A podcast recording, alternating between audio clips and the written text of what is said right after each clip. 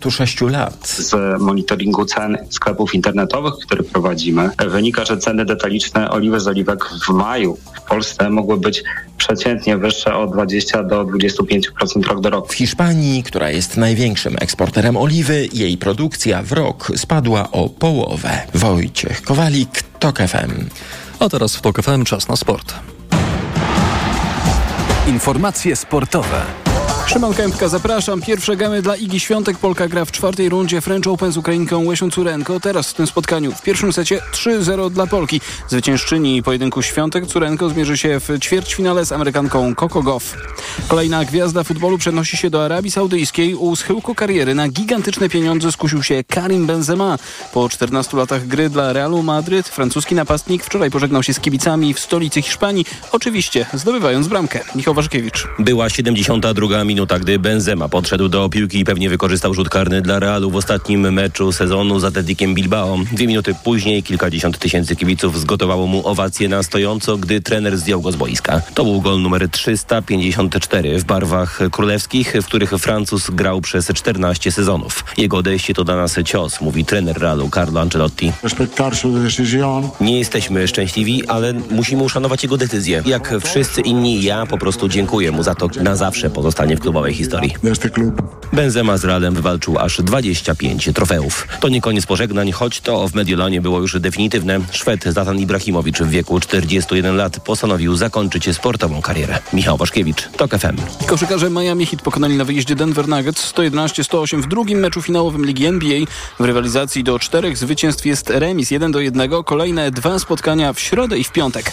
A w środę meczem z obrońcami tytułu Francuzami polscy siatkarze rozpoczną rywalizację w Lidze Narodów. Biało-czerwoni mają zapewniony udział w turnieju finałowym jako gospodarze. Teraz w Lidze Narodów zagramy jeszcze z Iranem, Bułgarią i Serbią. I jeszcze polska piłka. Jacek Zieliński poprowadzi piłkarzy Krakowi w najbliższym sezonie Ekstraklasy. Umowa z 62-letnim trenerem została przedłużona o rok. Pogoda. Noc pogodna. Przelotny deszcz może pojawić się jednak na południowym zachodzie od 5 do 10 stopni na północy i od 11 do 15 w nocy na pozostałym obszarze kraju. Wtorek szykuje się najbardziej pogodny na północy. Tam mało chmur i bez opadów. W pozostałej części Polski chmur będzie już przybywać i miejscami będzie deszczowo. Na południowym wschodzie pojawią się również burze. Jutro 21 stopni w Małopolsce i na Podkarpaciu do 27 miejscami na północy i w centrum. Chłodniej w rejonach podgórskich i nadmorskich. Tam od 17 do 20 stopni. Radio TOK FM. Pierwsze radio informacyjne. Reklama. Chciałabym mieć fińską saunę. A, a nie wystarczy ci mazurskie słońce? Nie. Odrobina luksusu na co dzień? Wejdź na pocztowy.pl i przekonaj się, że można nie odkładać marzeń na lepsze czasy. Bank Pocztowy. Im prościej, tym lepiej.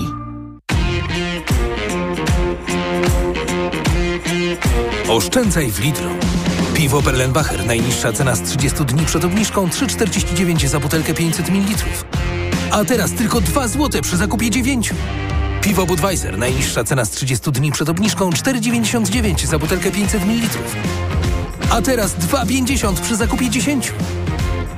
Dla takich okazji zakupy robię w Lidlu. Alkohol tylko dla pełnoletnich. Lidl. Reklama. Mikrofon, Tok FM. Przy mikrofonie Małgorzata Wołczyńska, program wydaje Karolina Kłaczyńska, a realizuje go Krzysztof Olesiewicz. W debacie publicznej o lokalnym samorządzie mówi się ponoć albo dobrze, albo wcale. A jaka jest prawda o nim? Postanowił to sprawdzić Andrzej Andrysiak i wyruszył z mikrofonem do mniejszych miejscowości, by z bliska przyjrzeć się lokalnej władzy. W ten sposób powstał serial Mała Władza. Mała Władza zaczyna się od wizyty w Trzebnicy. To jest takie kilkunastotysięczne miasteczko niedaleko Wrocławia. Obecny burmistrz rządzi tam od 2006 roku, czyli to już 17 lat. Co więcej, ostatnio wybory wygrywał w pierwszej turze. Czy rzeczywiście jest takim świetnym gospodarzem? Czy faktycznie mieszkańcy go uwielbiają? Czy piosenki na jego cześć są naprawdę bezinteresowne? Jak rządzi się w mieście, w którym właściwie nie ma opozycji? Zapraszamy Państwa teraz do wysłuchania pierwszego odcinka serialu Mała Władza, mm, zatytułowanego Aneksja, czyli jak utrzymać się władzy przez 17 lat. Teraz właśnie emisja tego odcinka, a po nim będziemy czekać oczywiście na Państwa głosy, komentarze i opinie na temat tego, co Państwo teraz usłyszeli. Samorząd perła w koronie polskiej demokracji. Reforma samorządowa była najbardziej udaną, najbardziej skuteczną reformą po 80 roku. Największy sukces Polski po 1989 roku, bo nikt nie ma wątpliwości, że dzisiaj w gminach mamy gospodarzy, samorząd działa dobrze. Tak mówią samorządowcy.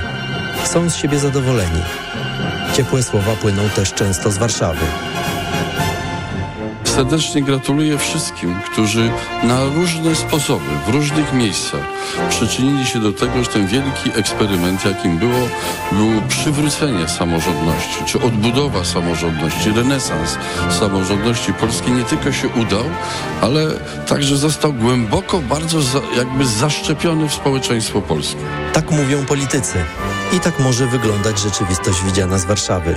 Mnie samemu zdarzało się ulegać temu przekonaniu. Ale kilka lat temu właśnie z Warszawy przeniosłem się w teren, do niewielkiej miejscowości. I tu okazało się, że to wszystko jest trochę bardziej skomplikowane.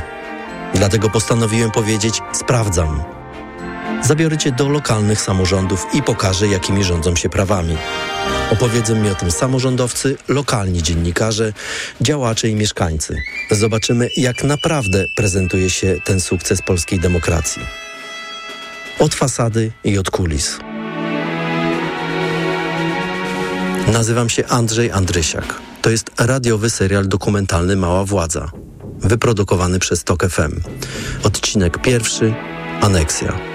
Monika Gruszczyńska!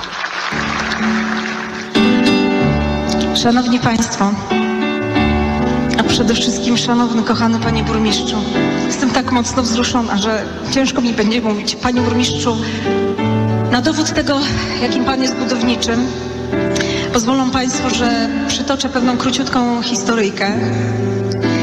Wie Pan co, ja znam dobrze tego Pana Burmistrza Trzebnicy. Naprawdę? Proszę Panią, to ja mam do Pani wielką prośbę. Czy Pani mogłaby spełnić moje życzenie? O Jezu, będę przeszczęśliwa, jak będę mogła oczywiście spełnić Pana życzenie. To moje marzenie. Czy Pani mogłaby najbliższej, przy najbliższej okazji powiedzieć coś Panu Markowi, bo my się znamy i, yy, ja tak mówię, nie Panie Burmistrzu, tylko Panie Marku. Oczywiście przekażę Panu Burmistrzowi. Ale co miałabym powiedzieć? Proszę mi, proszę mu powiedzieć następujące słowa, takie zdania. Proszę mi powiedzieć. Więc cytuję, Panie Burmistrzu. Marku, zostałeś Trzebnicę zrujnowaną, a zostawisz malowaną. Tak naprawdę było, burmistrzu. Jak to ja wzruszyłam się, tak jak teraz, może nawet bardziej, napłynęły mi łzy do oczu. W pierwszym odcinku serialu Mała Władza zabieram Cię właśnie do Trzebnicy. Dzień dobry Pani, jak dojadę do redakcji Nowej Gazety? Tutaj w tym bloku pierwszym zaraz. O, super, dziękuję Pani bardzo, do widzenia.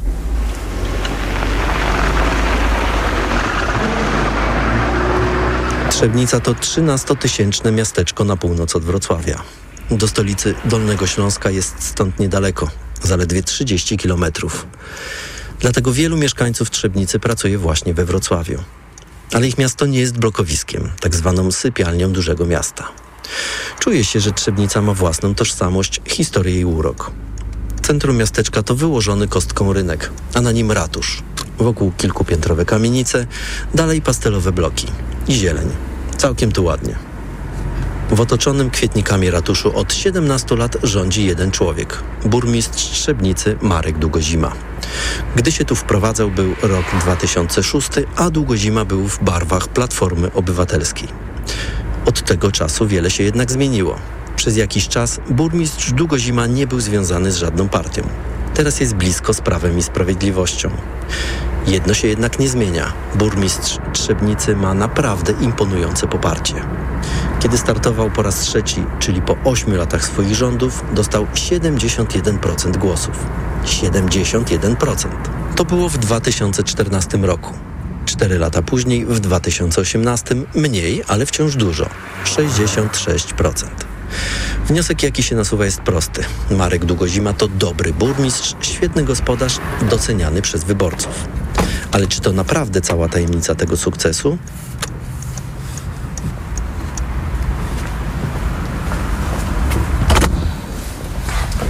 Dzień dobry Panie Andrzejczyk. Panią się zastanawiam Daniela Długosza. Tak, już jest.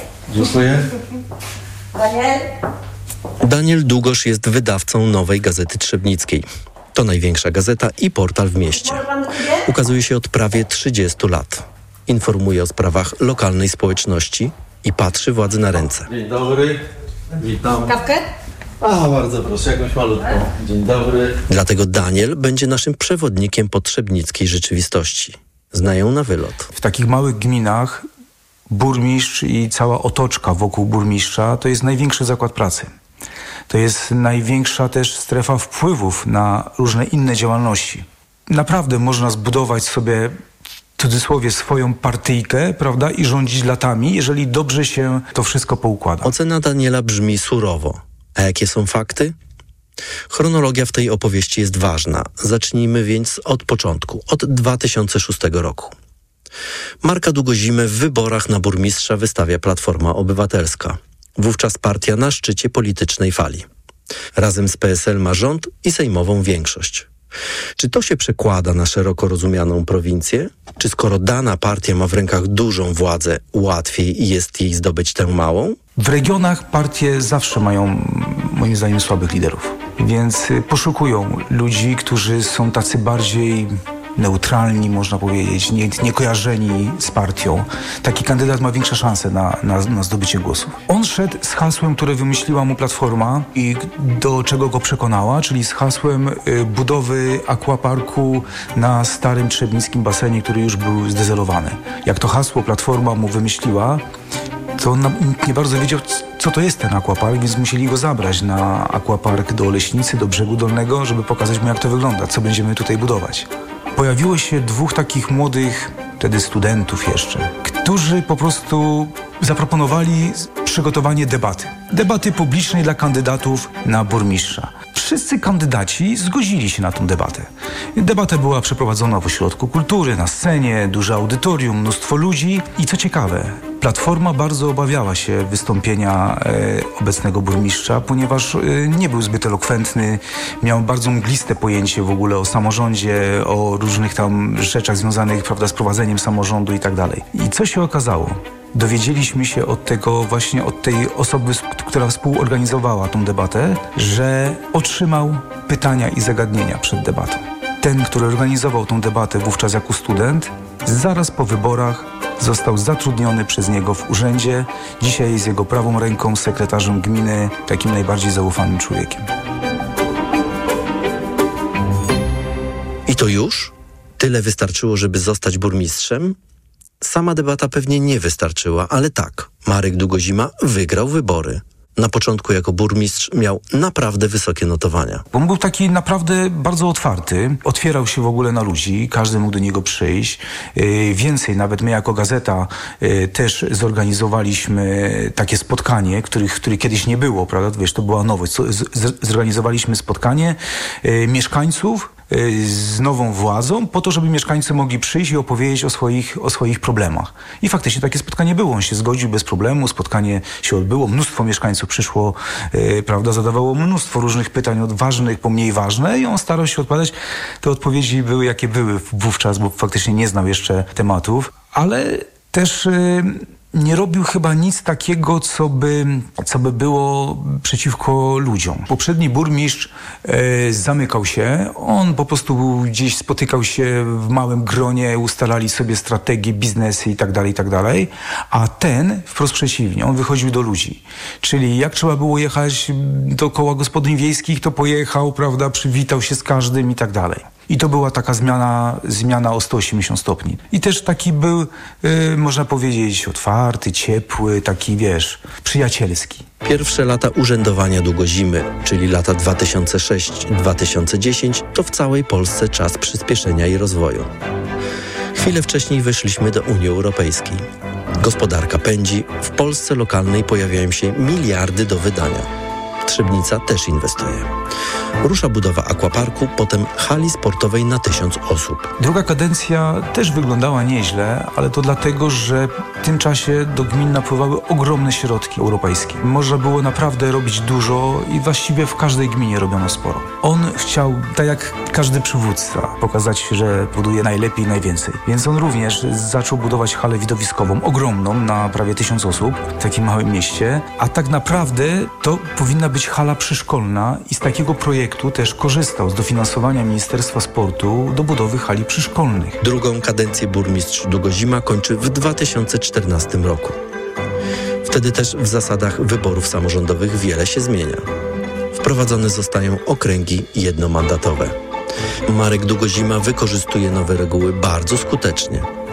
Odnosi kolejny sukces wyborczy. W trzeciej kadencji Platforma z PiSem oczywiście powystawiała w każdym okręgu swoich kandydatów, on wystawił swojego jednego. Gdzie dwóch się bije, tam trzeci korzysta. Zdobył 20 mandatów na 21, a ta jedna osoba, której udało się zdobyć mandat, nie była związana ani z Platformą, ani z PiSem, taka działaczka e, lokalna, też przeszła potem już na jego stronę. Wyobraź sobie, jesteś burmistrzem, którego praktycznie nie można usunąć.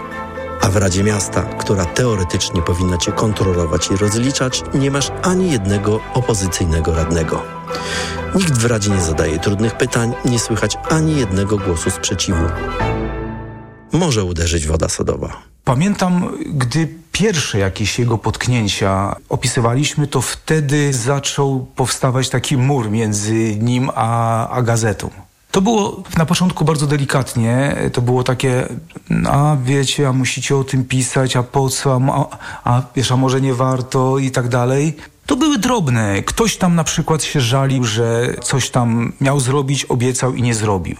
Ale chyba takim główną rzeczą, która, która jakby była takim gwoździem, gdzie on jakby się troszeczkę obraził na dziennikarzy, to był temat związany z taką mieszkanką, która kupiła dom z mężem. Miała jakieś tam swoje kłopoty, gdzieś nagle potem wyjechała, zniknęła, ale okazało się, że bardzo tanio sprzedała ten dom burmistrzowi. Bardzo tanio, po takich y, nierynkowych cenach, y, okazyjnie. Tak tę historię widzi Daniel Długosz. Po latach, jak opisywałem tą sprawę, bo do mnie się zgłosił wujek tej kobiety, który finansował cały ten dom, tą całą budowę, bo on gdzieś tam w Ameryce mieszkał i przyjechał z całą historią, prawda, z dokumentami i opowiedział mi o tym. Ja opisywałem tą historię. To właściwie można powiedzieć, że wykorzystał chyba trochę trudną sytuację tej kobiety i on sam przyszedł do niej z propozycją, że kupi ten dom, spłaci długi u komornika, bo tam były jakieś długi u komornika, że spłaci te długi u komornika, kupi dom, obiecał jej y, pomoc w załatwieniu mieszkania jakiegoś tam komunalnego. Rozmawiałem z nim oczywiście, rozmawiałem z nim i z jego żoną, bo oni wspólnie ten dom nabywali, więc y, były jego wypowiedzi, nie poczuwał się za bardzo do winy. On nawet jak już nabył ten dom, to w pewnym momencie się faktycznie wystraszył rozgłosu i nawet powiedział, że zwróci. Że odda po prostu ten dom, który przejął tej kobiecie, od której nabył. Nie zwrócił, y, przekazał darowizną synowi i syn wystawił na sprzedaż. I szybko sprzedał, praktycznie dwa razy więcej niż zapłacił. Burmistrz rządził gminą niepodzielnie. Opozycja nie patrzyła mu na ręce, bo jej nie było. Ale patrzyły media. I wtedy okazało się, że z inwestycjami nie jest tak dobrze, jak wyglądało. Choćby z taką halą sportową, sztandarową inwestycją Marka Długozimy w czasach, kiedy zdobywał władzę. Budowa miała zakończyć się w 2019 roku, w styczniu. Zaczęła się w 2017 i niestety przedłużyła się o dwa lata, ponieważ okazało się, że budowana jest niezgodnie z projektem. Powiatowy inspektor nadzoru budowlanego wstrzymał budowę. W trakcie budowy, to już jest jakby sytuacja następna, w trakcie budowy okazało się, że cichutko po cichu łącznik wykreślił z budowy. Nikt o tym nie wiedział. Nasza gazeta to ujawniła, zrobiło się wielkie larum. Nie wiedziała nawet dyrektorka szkoły o tym, że ten podziemny łącznik jest e, wykreślony. E, zrobiło się larum, zrobiły się jakieś dziwne ruchy. No i w tej chwili, w tej chwili hala już została jakby ukończona. Łącznik nie został zbudowany, ale on teraz buduje, żeby jakby dobudować to, więc y, wymyślił sobie, że będzie rozbudowywał szkołę o nowe skrzydło i to nowe skrzydło połączy łącznikiem z halą. Daniel zabiera mnie na przejażdżkę.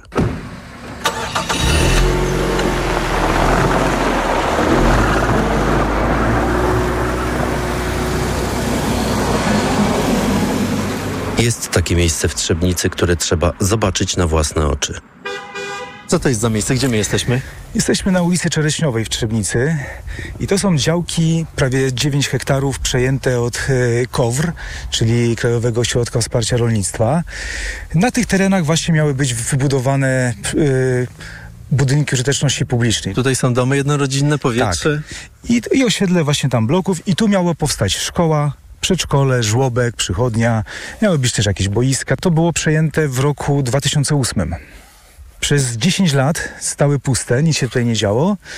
Y, W 10 roku ktoś sobie przypomniał, że jak nic tutaj nie zrobimy, to tereny trzeba będzie zwrócić albo oddać równowartość y, w gotówce. I nagle burmistrz wymyślił, żeby szybko je zagospodarować, na siłę.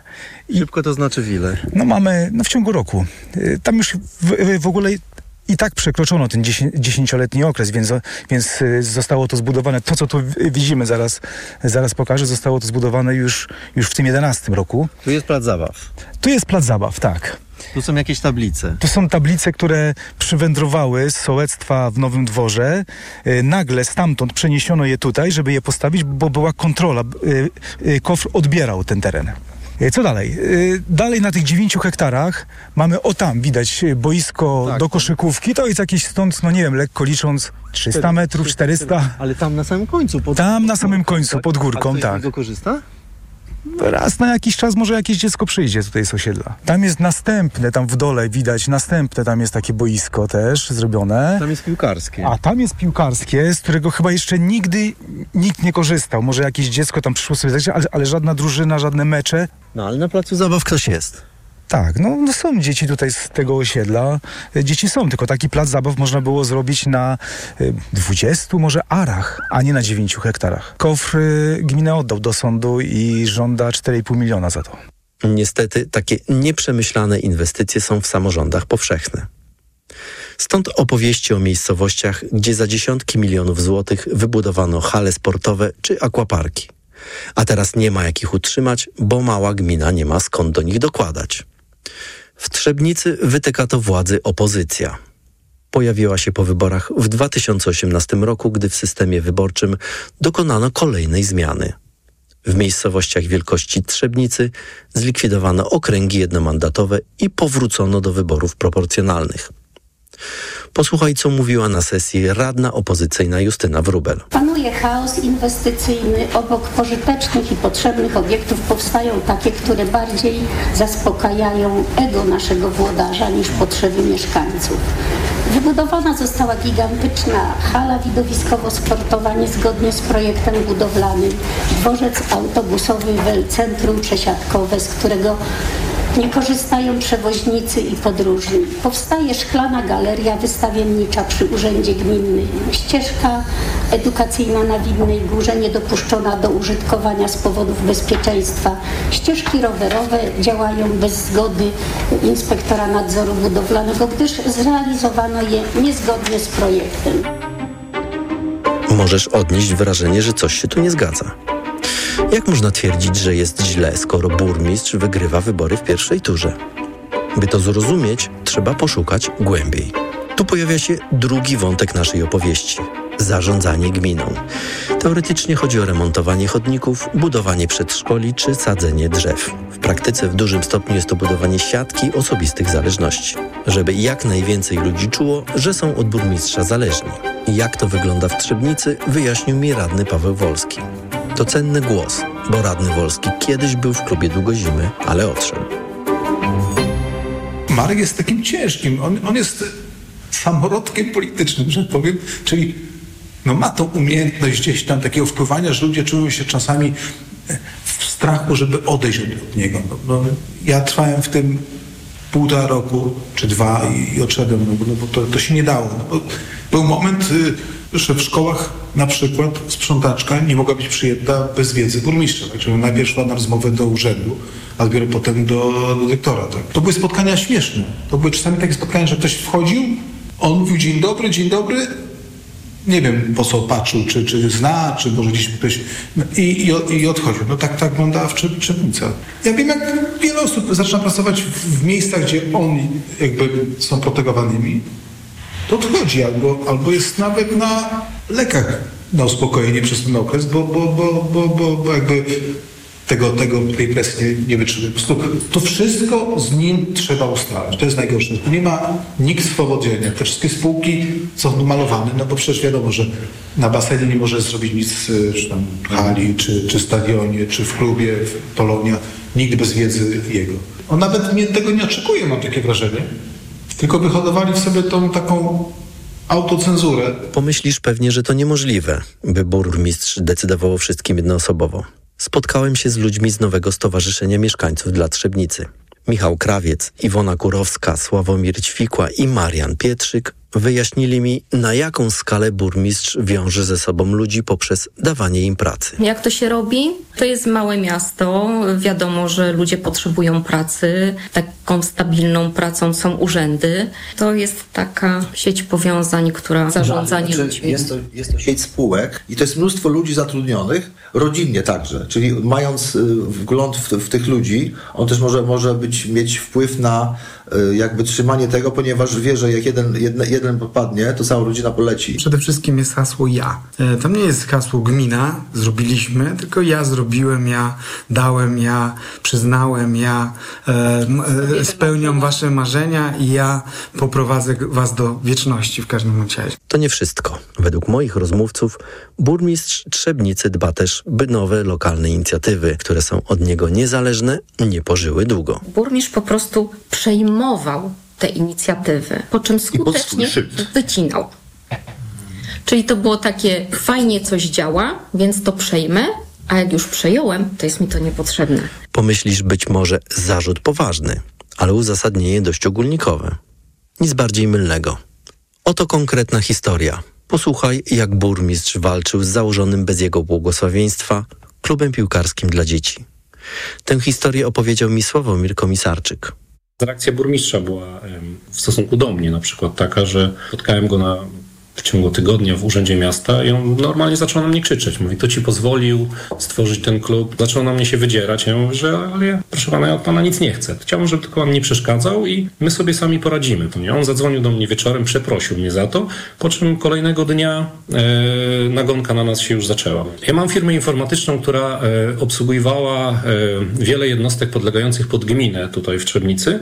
E, między innymi był to Urząd Miasta, to e, Zakład Gospodarki Komunalnej, Ergo, czyli spółka powołana przez gminę zajmująca się odpadami, wodą i tak Ośrodek Kultury, Ośrodek Zdrowia, to były wszystkie jednostki, które, z którymi ja miałem podpisane bądź też nie umowy, ale świadczyłem usługi informatyczne jako firma. Dostałem sugestie od pewnego e, przedsiębiorcy tutaj, który jest w ścisłym powiązaniu tutaj z władzami, że jeśli będę się dalej angażował, no to niestety, ale stracę zlecenia w tych, w tych wszystkich jednostkach. No i tak się stało. Mało? Kolejną historię opowiada mi Klaudia Dycewicz z Trzebnickiej Fundacji Brawo Ty. Zaczęliśmy tutaj działać na rzecz brata dziewczynki z drużyny mojej córki, ponieważ się dowiedzieliśmy, że brat jest chory i potrzebuje zebrania dosyć dużych środków finansowych na leczenie. I podjęliśmy z rodzicami z drużyny oraz z zarządem jakieś takie działania, żeby te środki zebrać. I pojawiła się taka koncepcja, żeby zorganizować imprezę charytatywną. To się nazywa Święto Sportu i to do tej pory utrzymujemy. Raz w roku jest taka dosyć duża impreza, która ma na celu zebranie środków i cały dochód z tego całego wydarzenia przekazujemy na rzecz tego brata. Ponieważ impreza była bardzo dużym powodzeniem, zebraliśmy dużo środków, postanowiliśmy powołać fundację, która w przyszłych latach już będzie jako fundacja organizowała tą imprezę. Powstała Fundacja Brawoty. I w momencie, kiedy ona powstała, od razu myślę, że w tym dniu trafiliśmy również na czarną listę burmistrza, zostaliśmy wykluczeni ze wszystkich dotacji. A burmistrz nadal buduje swoją legendę wspaniałego gospodarza. Wydaje własną gazetę trzebnicką. To medium samorządowe, które teoretycznie ma informować o tym, co się dzieje w gminie. W praktyce na 40 stronach jest kilkadziesiąt zdjęć burmistrza. Otwierając gazetę, radni opozycyjni zajmują się liczymarkami. Liczą, ile tym razem jest marków. Zresztą media samorządowe to temat rzeka. Dlatego poświęcę mu jeden z kolejnych odcinków podcastu Mała Władza. Powróćmy do Trzebnicy. Usłyszeliśmy dotąd całą litanię zarzutów moich rozmówców. Ale to jednostronny obraz. Ta litania jest zarazem listą pytań, które należy zadać burmistrzowi. Chciałem umówić się z Markiem Długozimą na spotkanie. Porozmawiać o tym, jak zarządza gminą. Zadać pytania, pozwolić się wytłumaczyć. Zdobyłem numery telefonów i zadzwoniłem. Siedzieliśmy z Danielem Długoszem w samochodzie. Chociaż jak syreny. Pan słucha? Dzień dobry, Andrzej Andrysiak, Radio Tok FM. Czy ja się dodzwonię do pana burmistrza Długozimy? Nie, to nie ten telefon, pomyłka. Dziękuję. To on. Poznałem go po głosie. Andrzej, to on. To on. Już się nie odbierze teraz z tego numeru. Patrz, jaki kurde ten. Przecież po głosie każdy go pozna, bo każdy ma taki charakterystyczny głos, że każdy go pozna. Byłem lekko skonsternowany. Zadzwoniłem jeszcze raz, już nie odebrał. Potem zadzwoniłem z innego numeru. Odebrał, ale znów stwierdził, że nie jest burmistrzem. Polecił jednak zadzwonić na kolejny numer. Zadzwoniłem. Tu już potwierdził, że rozmawiam z burmistrzem. Umówiliśmy się na spotkanie w urzędzie. Dokładnie opowiedziałem, o czym będziemy rozmawiać. Tak, o 14, TOK FM. A co będziemy o tym będziemy rozmawiać? O Trzebnicy i o samorządzie. Tak? No. Aha. No dobra, to ja to będzie nagrywane? No tak, ja panu do autoryzacji wyślę oczywiście. Pan zaczynał z bardzo dużego pułapu w 2010 To roku. jest dużego. 81%. A jeszcze w 2006 No wiem, ale mówię o, o tym pułapie. No i tak chciałem z panem porozmawiać, jak to tutaj wygląda. Rozmawiam z różnymi ludźmi oczywiście. No, no, tak. I, I z pana przeciwnikami, zwolennikami, jak i z panem chciałem porozmawiać. Ale jakie do pytania? Muszę wiedzieć jakiego do pytania. No, Ja się nie przygotowałem w ogóle. no ale to właśnie chodzi o to, żeby porozmawiać. No pan mi powie, jak zarządza gminą, jak to się robi, że się ma takie poparcie. Ja panu powiem, co panu zarzucają przeciwnicy i pan się do tego To ustosunkuje. takie, takie. Ale w jakim sensie? No, nie chcę, nie chcę takiego. Nie chce pan takiej rozmowy, żeby się nie stosunkować albo porozmawiać?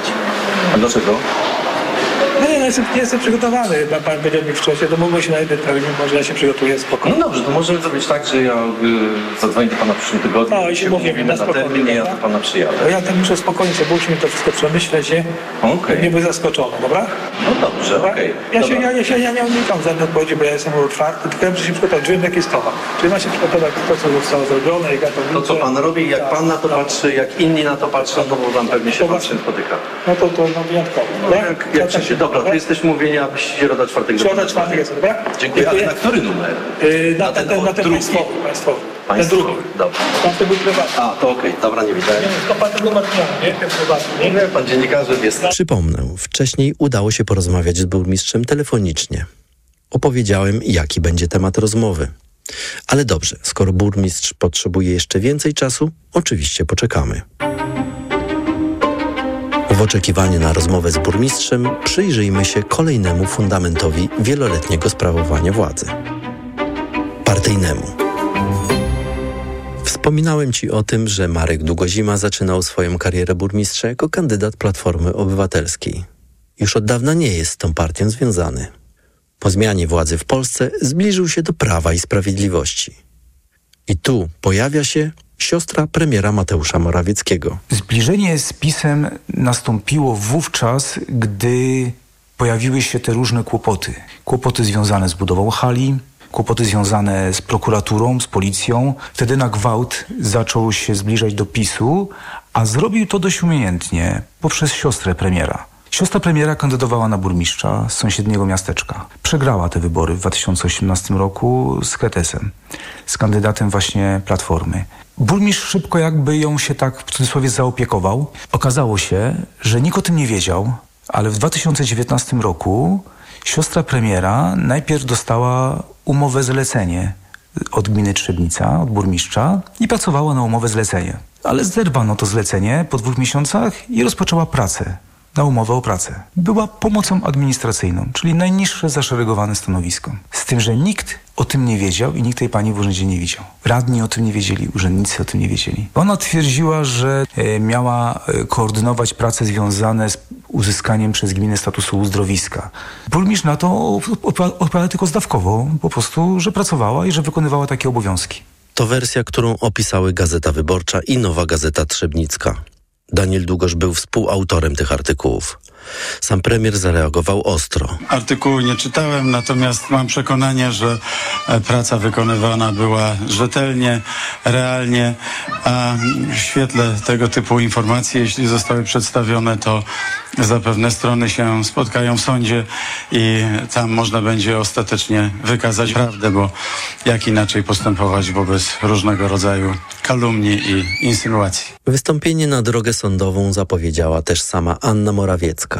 Ale pamiętajmy, jedną sprawę z Nową Gazetą Trzebnicką o artykuł na ten temat już prawomocnie przegrała. Po co burmistrzowi była cała ta sprawa? Po co zatrudnianie siostry premiera w urzędzie w Trzebnicy? Po co narażanie siebie i miasta na ogólnokrajowe zamieszanie? W Trzebnicy mają swoją teorię. Wszystko zaczyna się na pewnym placu budowy. Jest deweloper, który, jak wszyscy twierdzą, jest na uprzywilejowanej y, y, pozycji. Już mówię dlaczego. Dlatego, że syn burmistrza związał się z córką dewelopera i jak sam burmistrz y, stwierdził na jednej ze spraw sądowych, żyją w konkubinacie od 12 lat. Wówczas, wtedy, 4 lata temu. Mają też wspólne interesy, e, nabywają wspólnie y, nieruchomości, ale co się okazuje, że gdy deweloper przystępuje do przetargu, gmina informuje, że przystępuje do zmiany planu zagospodarowania przestrzennego. Pozostali deweloperzy nie startują, bo nie wiedzą, w którym kierunku pójdzie ta zmiana. Ale deweloper ów startuje, oczywiście kupuje. Co się okazuje? Po tym, gdy on nabył te działki, momentalnie plan zmieniany jest nawet kilkukrotnie. Nagle można budować wyżej i gęściej. Plan zagospodarowania przestrzennego to taki dokument przygotowywany przez gminę, który określa co i gdzie można na jej terenie budować. Dla zarządzania gminą i kontaktu z inwestorami jest strategiczny. Ustala jasne zasady dla wszystkich. Każdy, kto chce postawić budynek, wie, czy może to zrobić i jaki ten budynek powinien być, a jaki być nie może. Teoretycznie tak właśnie powinno to działać. Ale to kolejna część samorządowej przestrzeni, w której piękna teoria boleśnie rozmija się z rzeczywistością. Rozmawiałem o tym z radnym Krzysztofem Śmiertką. Mieszkam na ulicy Zielonego Dębu. Te działki to, to, to były działki dziadków mojej żony. Postanowiliśmy, że będziemy je tam budować. Był plan zagospodarowania przestrzennego z 2014 roku, który jeszcze na to mm, zezwalał, ponieważ w tym rzędzie, którym znajdowała się ta, te, te działki, była zabudowa do 12 metrów. Zaczęło się czynności związane ze zmianą planu zagospodarowania przestrzennego. Ale dlaczego? To po co robić zmianę drugi raz? Ale to trzeba zapytać pana burmistrza. No i w trakcie, e, w trakcie mm, opracowywania tego planu mm, jeszcze nie wiadomo do końca było, w którym kierunku ta, ta zmiana będzie szła. Zaczęto sprzedawać działki gminne. Dziwnym trafem na, na mm, przetarg zgłosiła się tylko jedna osoba, czyli deweloper, e, który jak się później mm, okazało, no, żyje w dość dobrych relacjach e, z włodarzem. Plan zagospodarowania przestrzennego szedł w kierunku e, zwiększenia możliwości, możliwości zwiększenia Ale najpierw, najpierw był plan, a potem była zmiana, czy najpierw... A tych zmian było trzy w międzyczasie. Od 2000 był, była zmiana w 2016 roku, 2018 i 2019. Za każdym razem parametry e, były e, coraz bardziej korzystne dla dewelopera. Żeby było wyżej i gęściej, tak? Dokładnie, dokładnie. Sprawą zajęły się organy ścigania. Co z tych działań wynikło? Opowiedział mi Marcin Rybak z Gazety Wyborczej Wrocław, który wspólnie z Danielem Dugoszem napisał o tym tekst. Śledztwo się toczyło od y, 2019 roku. Sprawą zajmował się Wydział do Walki z Korupcją Komendy Wojewódzkiej.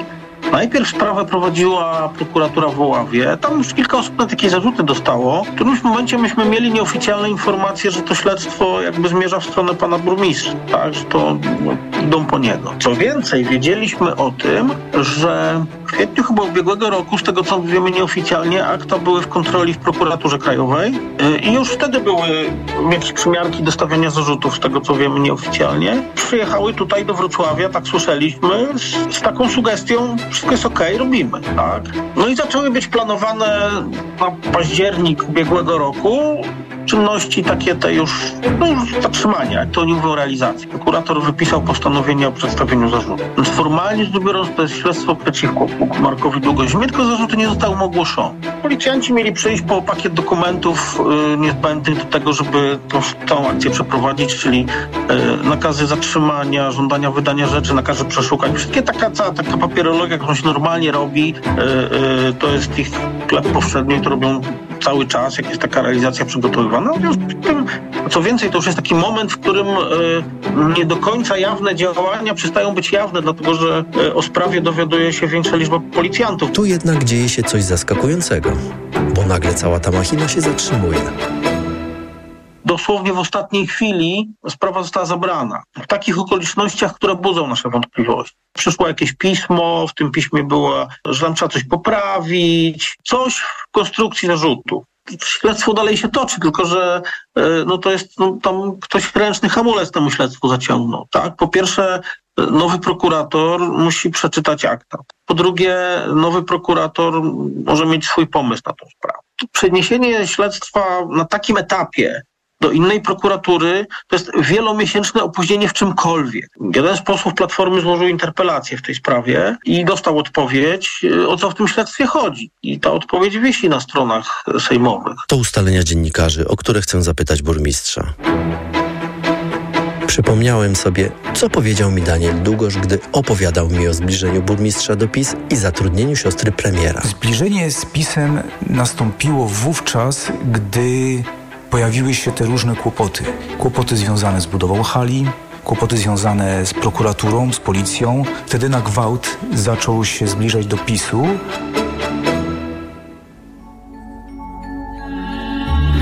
Teraz zaproszę pana Kępę. Moja definicja trzebnicy. Bardzo zdolny młody człowiek. Słowa Danuta Kamińska i Mateusz Kępa. Panie Mateuszu, zapraszam. Cieszmy się darami z nieba i szanujmy tę krainę i te wzgórza. Piękna nasza. Cieszmy się darami z nieba i szanujmy tę krainę i te wzgórza. Piękna nasza, ta trzebnica.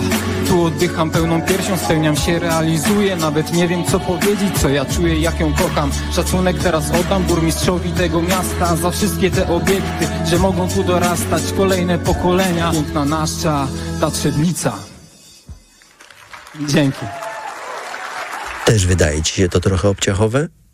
Był już hołd złożony burmistrzowi ze sceny. Teraz jeszcze ten rap. A tym specyficznym raperem jest trzebnicki radny Mateusz Kępa. Dostał od burmistrza robotę. Spytałem go o to. Z moich obserwacji wynika, że jednym z głównych takich narzędzi uprawiania polityki jest dystrybucja pracy i taki zarzut wobec pana też się pojawi, że pan został radnym, potem dostał pan robotę. W roku 2019 zostałem, można powiedzieć, zatrudniony w Centrum Kultury i Sztuki na stanowisku koordynator do spraw techniczno-administracyjnych. Zajmowałem się takimi sprawami technicznymi, administracyjnymi. Mam nad sobą kierownika, mam dyrektora nad sobą, nad dyrektorem jest jeszcze pan burmistrz. Ale wie pan co, w takich sytuacjach bardziej jest interesujący tryb. No przecież nie było konkursu, no bo to nie było takie stanowisko, na które trzeba ogłaszać konkurs. Nie przechodził pan z ulicy yy, i nie wszedł i nie spytał pan o pracę. No i podejrzenie zawsze jest, no burmistrz zadzwonił i robota się znalazła.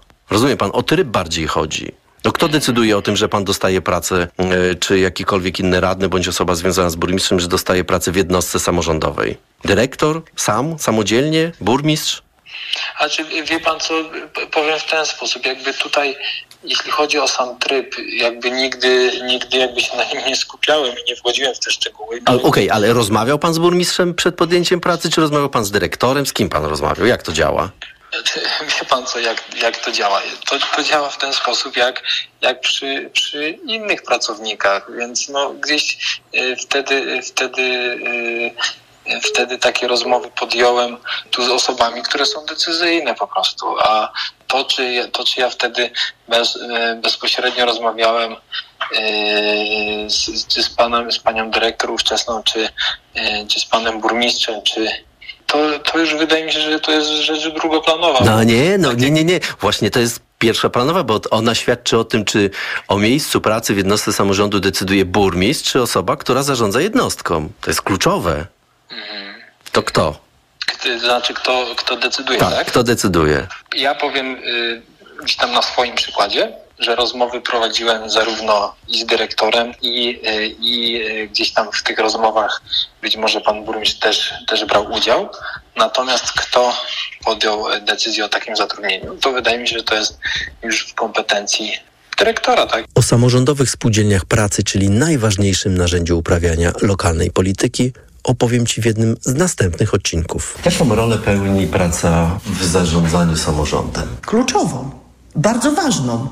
Od tego wiele karier się zaczyna. Kończy też. Zarzutów, a więc i pytań do włodarza Trzebnicy przybywa, a czas mija.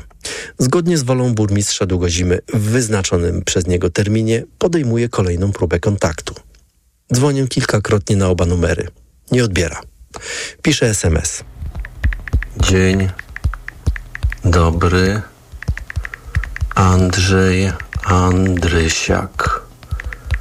Miałem dziś zadzwonić w sprawie rozmowy. Przez kilkanaście dni próbowałem skontaktować się z burmistrzem Długozimą. Już nie odbierał. Nie odpisywał też na SMS-y. Spacerując po Trzebnicy, wciąż miałem w głowie te 71% głosów, które burmistrz zdobył w 2014 roku. Kolejni rozmówcy i opowiadane przez nich historie powoli wyjaśniały, jak to możliwe, że Marek Długozima od 17 lat nieprzerwanie rządzi tym miastem. Wciąż jednak ważne pytanie pozostawało bez odpowiedzi. Samorząd to nie tylko burmistrz, to również radni. Co oni na to? Gdzie są w tej rozgrywce? Krótko przypomnę Ci, jak zbudowany jest samorząd. Jest burmistrz lub prezydent i jego zastępcy. To władza wykonawcza. Jest też rada, czyli władza uchwałodawcza. Radni mają za zadanie kontrolować władzę wykonawczą, czyli wójta, burmistrza lub prezydenta. Ale w polskim samorządzie lokalnym, odwrotnie niż w przypadku władzy centralnej, panuje olbrzymia nierównowaga między jedną władzą a drugą. Burmistrz decyduje o wszystkim. Radni są od podnoszenia rąk. To jest mankament ustawowy. Niestety posłowie tego dobrze nie przemyśleli. Stąd też wpływ radnych na decyzje i rozwój miejscowości jest nikły. Nikła jest często też wiedza o tym, co się dzieje. Wskazuje na to często Daniel Długosz, zadając radnym proste pytania. Pytania są proste, o wiele trudniej jednak o odpowiedzi. Chciałbym zapytać panie, czy państwo wiecie, ile wynosi dług gminy w tej chwili? No wiemy, bo tu tak obszernie To było ile? Czy możecie że- państwo zdradzić, Proszę? czy możecie Ale państwo co za zdradzić zdrada, mieszkańcom? Panie redaktorze, przecież wszyscy słyszeliśmy. Ale ja nie słyszałem, Ale gdyby ja- pani powiedziała, no to ile wynosi? No to przykro mi, że pan nie No słyszał. bo nie, nie powiedziano dokładnie. Dokładnie powiedziano. To ile wynosi dług gminy? Ale dokładnie No powiedziano. głos, pan doskonale głosowała pani za słyszał. podwyżką. Nie może pani powiedzieć ile? To jest jakaś tajemnica dla mieszkańców? Czy dług gminy jest tajemnicą? Ale przecież jasno było powiedziane. No właśnie nie. A co pan nie chce sprawdzić, czy dokładnie słuchałam? Panie radny, dwa słowa. Y, Chodzi o tą strategię, którą państwo głosowaliście. Może pan pokrótce, co jest najważniejszym jakby czynnikiem? No mówiła pani tutaj dyrektor. Ale, ale dla pana, chciałbym się dowiedzieć dla pana. No to to, co pani dyrektor mówiła, jest najważniejsze. Y, Czyli? To, co pani dyrektor mówiła. Ale y, nie może pan wyjaśnić? Nie mogę. W tym systemie nierównowagi najgorsi są radni pytający i dociekający, zwłaszcza publicznie i na sesji, oraz dziennikarze. Żadna władza nie lubi pytań. Oficjalnie deklaruje otwartość na obywateli, a tak naprawdę nie chce dzielić się informacjami. Są na to różne sposoby. Jak to wygląda w Trzebnicy, opowiada Daniel Długosz. Od wielu lat jako dziennikarze mamy bardzo utrudniony dostęp do informacji publicznej, nawet tej najprostszej. Nawet gdy zadajemy jedno pytanie, czy prosimy o jeden dokument, reguła jest mniej więcej taka. Wysyłamy oczywiście wniosek, no bo ustnie nie chcą nam w ogóle nic odpowiedzieć. Po 14 dniach odpisuje nam urzędnik. Na marginesie dodam tylko, że jest to specjalnie utworzone stanowisko. Jest to główny inspektor do spraw udzielania informacji publicznej, do spraw obsługi wniosków o dostęp do informacji publicznej. Jest takie specjalne stanowisko utworzone. Dostał je były wiceburmistrz, który przegrał wybory w wybornikach śląskich. Po tych 14 dniach ów urzędnik odpisuje, że urząd jest strasznie zapracowany, prawda, więc będzie potrzebował dwóch miesięcy na to, żeby udzielić tej informacji. I, i informacje udostępniają po tych dwóch miesiącach. Teraz, tak jest teraz. Wcześniej oczywiście informacji nie chcieli udostępniać. Miałem wiele spraw y, sądowych, bo oczywiście y, skarżyłem się na bezczynność do WSA. Po przegranych y, sprawach oni się odwoływali do NSA, przegrywali w NSA. Trwało to też oczywiście około dwóch lat, zanim taką informację w końcu dostałem. Były też sprawy w prokuraturach. Zawiadamialiśmy prokuraturę, że jakaś informacja została przed nami zatajona i do dzisiaj te sprawy jeszcze w prokuratorach się toczą. Niewiedza jest błogosławieństwem władzy. Jeśli obywatele nie wiedzą, co się dzieje pod dywanem, widzą tylko inwestycje. I to one decydują o wyniku wyborów. Plus strach, by nie podpaść burmistrzowi, u tych, których od siebie uzależnił. Opowiada radny Krzysztof Śmiertka. Tu jest o tyle taka sytuacja, że y, mieszkańcy obawiają się odezwać.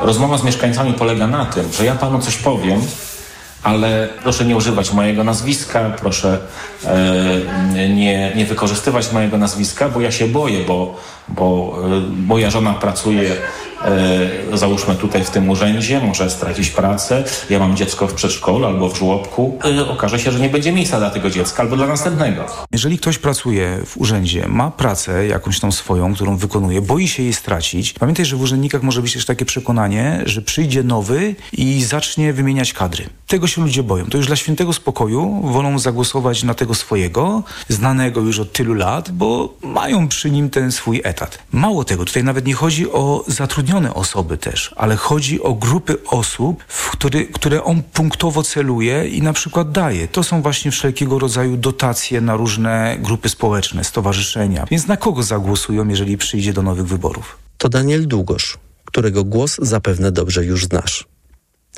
Nie dostaliśmy natomiast szansy, by przez dłuższy czas posłuchać głosu burmistrza Trzebnicy Marka Długozimy. Bardzo jestem ciekaw jego odpowiedzi na pytania, które chciałbym mu zadać. Na razie jednak mogę posłuchać jedynie nagrań burmistrza z internetu.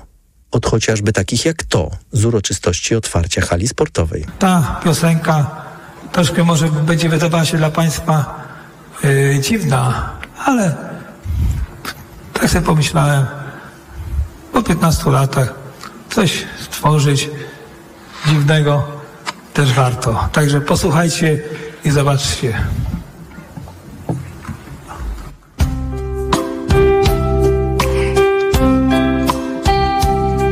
15 lat minęło już i dzisiaj wiem, że były piękne. Dziękuję Wam, że jestem tu i buduję dla Was szczęście. Każdego dnia służę Wam, nie rezygnując z wielkich wartości. Mimo iż los na drodze mej kładł przeciwności.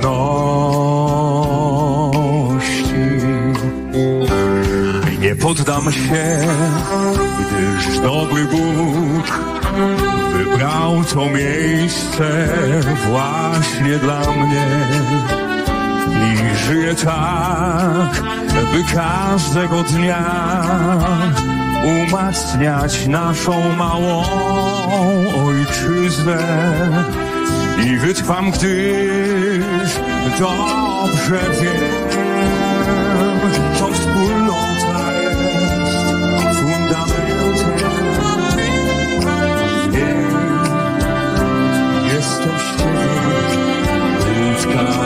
szczęście. Dobro i zło splacają się. Teraz wiem to, na pewno wiem, każdego dnia. Ten tekst do muzyki My Way Franka Sinatry napisało sobie sam burmistrz Marek Długozima.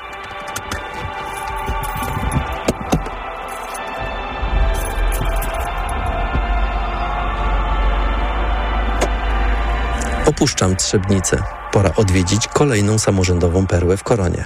W następnym odcinku gwarantuję Ci dużo emocji. Powiem szczerze, że gdybym nie siedziała, to bym się przewróciła. Ale donosił na wszystkich. Kolegów z pracy, na przedsiębiorców, na rodzinę swojej żony. Pojechaliśmy we dwójkę do pani prezydent, do jej gabinetu. Pojawiły się łzy i ja jej powiedziałam zwyczajnie. Było mi przykro jako, jako kobiecie. Nawet mówię, no Beata, sorry, no bardzo mi przykro, bo ona cały czas, że nie wiedziałam, nie wiedziałam o tym. Powiem Ci, że był moment, że on mi dziękował, że to pójdzie u nas ten e, w ogóle materiał, bo by go rozjechali. Ja mu tłumaczyłem, no masz jedno tylko wyjście, przeprosić. No i w tym momencie, od momentu publikacji tego tekstu, skończyło się wszystko. W jednym momencie. Dla mnie jako e, dziennikarki, jeśli chodzi o kontakty z Urzędem Miejskim. Pan dochodzi do etyki, której oni w ogóle nie rozumieją. Co pan chce od nich, żeby ten... Tu jest mm, przestrzeganie norm etycznych w ogóle nie, nie jest znaną rzeczą. W kolejnym odcinku szukać będę różnicy pomiędzy informacją a propagandą. Poznasz sztuczki, które mogłyby zawstydzić samego Jacka Kurskiego. Jadę do Świdnicy.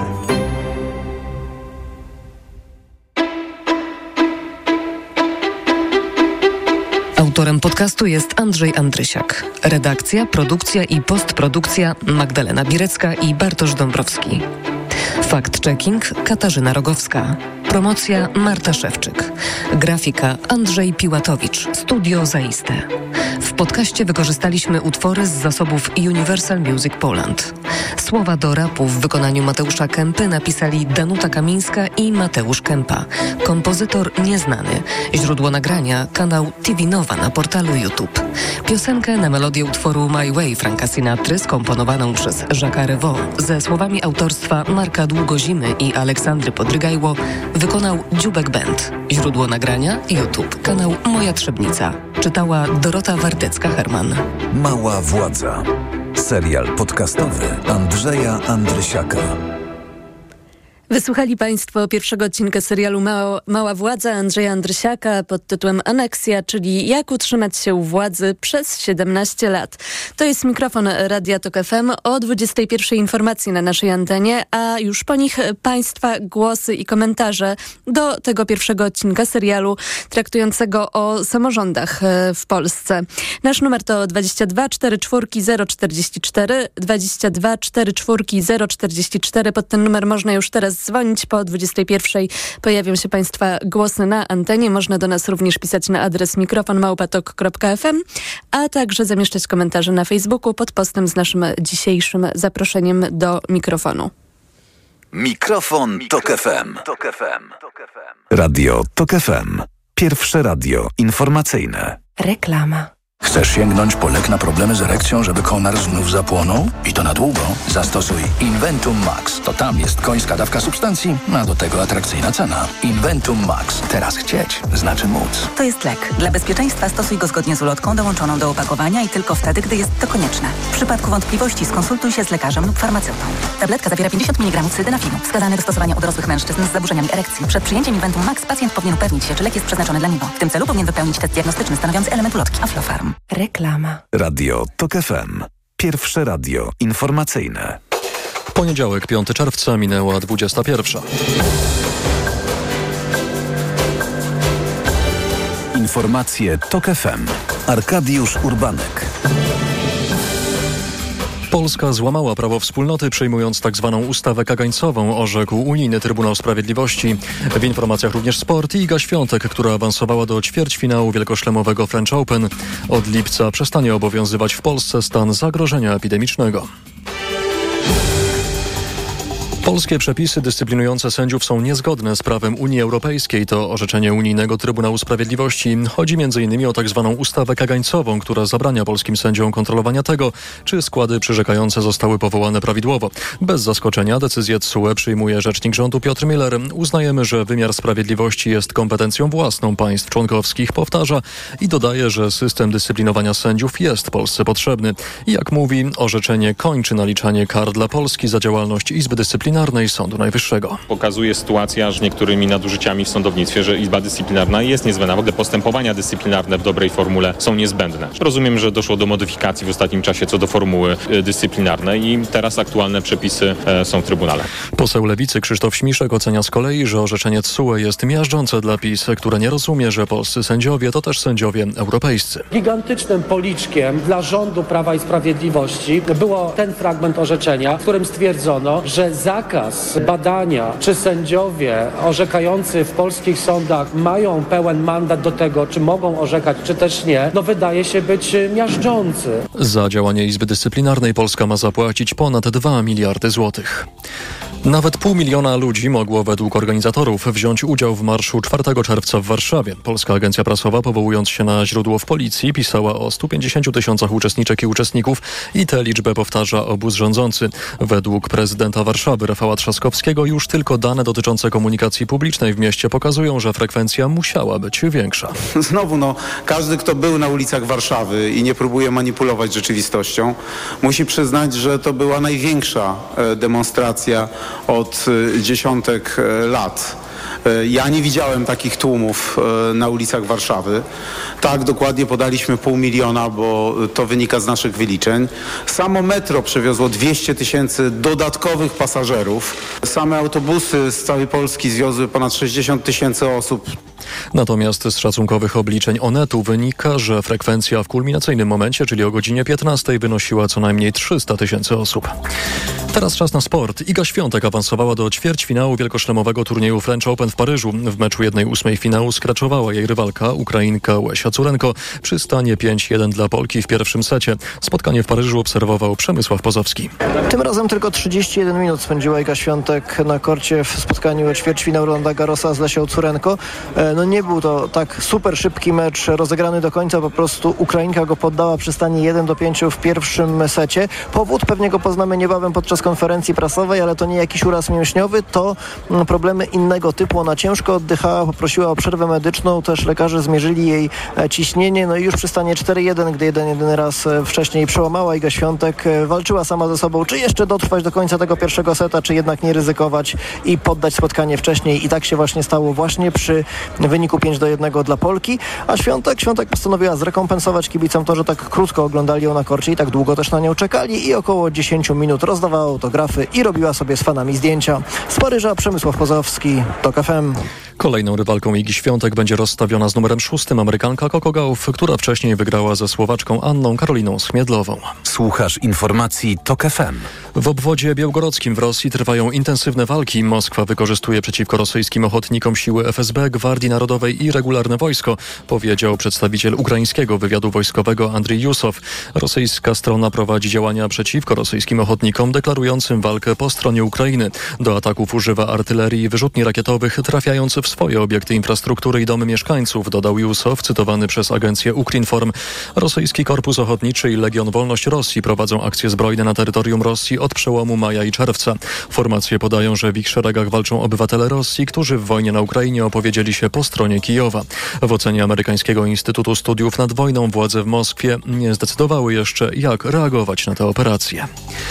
Od 1 lipca przestanie obowiązywać w Polsce stan zagrożenia epidemicznego. Ta formalność niesie za sobą sporo zmian istotnych dla przedsiębiorców, a w niektórych firmach oznacza konieczność skorygowania wewnętrznych regulaminów. O czym więcej opowie Sebastian Wierciak. Powraca większy rygor w zatrudnianiu cudzoziemców. Zakończą się wydłużone na czas stanu zagrożenia epidemicznego okresy obowiązywania zezwolenia na pobyt czasowy czy zatrudnienie, ale zmian jest znacznie więcej, wylicza mecenas Marek Jarosiewicz. Wraca znowu obowiązek przeprowadzania badań okresowych. Przestaną obowiązywać też przepisy, które do tej pory mm, pozwalały na zawieszanie przez pracodawcę jego obowiązków w zakresie mm, na przykład Zakładowego Funduszu Świadczeń Socjalnych. Do tego szef nie będzie mógł tak łatwo wysłać pracownika na pracę zdalną, czy kazać mu wykorzystać zaległy urlop w konkretnym terminie. Poza prawem pracy zmieniają się też przepisy o doręczeniach. A więc tak jak to było przed rozpoczęciem pandemii, po dwukrotnym awizowaniu takiej przesyłki e, będzie ona mogła być uznana za doręczoną do adresata. Zmieniają się także przepisy podatkowe, między innymi szybciej będzie można dostać indywidualną interpretację podatkową. Sebastian Wierciak, TOK FM. Pogoda. Wtorek szykuje się najbardziej pogodny na północ. Tam mało chmur i bez opadów. W pozostałej części Polski chmur będzie już przybywać i miejscami, głównie na południu, będzie deszczowo, a na południowym wschodzie pojawią się burze. 21 stopni w Katowicach, Krakowie i Rzeszowie, 23 w Gdańsku oraz Wrocławiu, do 25 w Łodzi, Lublinie i Białymstoku, 27 stopni w Szczecinie, Poznaniu i Warszawie. Radio TOK FM. Pierwsze radio informacyjne. Mikrofon, Tok FM. W pierwszej części mikrofonu Radio Tok FM wysłuchali Państwo pierwszego odcinka serialu Mała Władza Andrzeja Andrysiaka.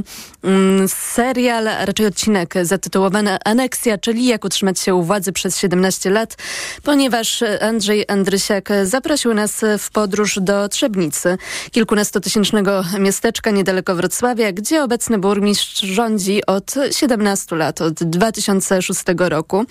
Wygrywa wybory, bo, bo czemu by nie? Mm, I sprawuje władzę w sposób e, jaki państwo teraz, e, o jakim państwo teraz usłyszeli. Ale to nie jedyna taka wycieczka, taka wyprawa, bo Andrzej Andrysiak odwiedził osiem miejsc, by opowiedzieć historie, które obrazują mechanizmy funkcjonowania władzy na poziomie lokalnym. Relacje z obywatelami, biznesem, władzą państwową i tym podobne.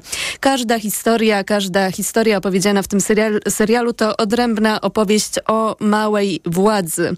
A ten pierwszy odcinek e, podcastu, który też przed chwilą był na naszej antenie, jest dostępny dla wszystkich na tokefm.pl oraz w aplikacji mobilnej TokFM, więc zapraszamy do słuchania. Gdyby ktoś z Państwa miał ochotę jeszcze raz wysłuchać tej historii albo dopiero teraz się z nią zetknął i chciałby ją odtworzyć, to polecamy, zachęcamy do słuchania. Nasz numer to 22 44 044, bo chcemy dzisiaj zapytać Państwa o wrażenia z tego um, pierwszego odcinka serialu o samorządzie mm, terytorialnym, o tym, jak funkcjonuje władza na tym lokalnym poziomie.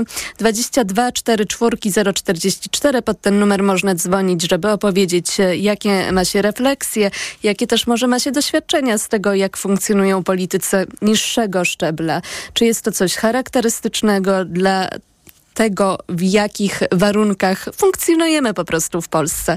Czy to, jak wyglądają samorządy mm, przedstawione akurat w tym serialu, w tym pierwszym odcinku, to jest. Mm, taki obraz, który gdzieś często się powtarza, czy jednak jest to swego rodzaju jakiś wyjątek, jakaś praktyka, która nie powinna mieć miejsca i która zdarza się jednostkowo, ale nie jest charakterystyczna dla całego naszego kraju, bo przecież samorządność terytorialna, ta przywrócona na szczeblu gminnym, mm, potem uzupełniona o samorządy powiatowe, wojewódzkie, jest czymś, czym szczycimy się, mm, czymś, co nazywane jest owocem transformacji i co zresztą też, jak pojawia się na początku wspomnianego już dzisiaj odcinka, e, jest zachwalane.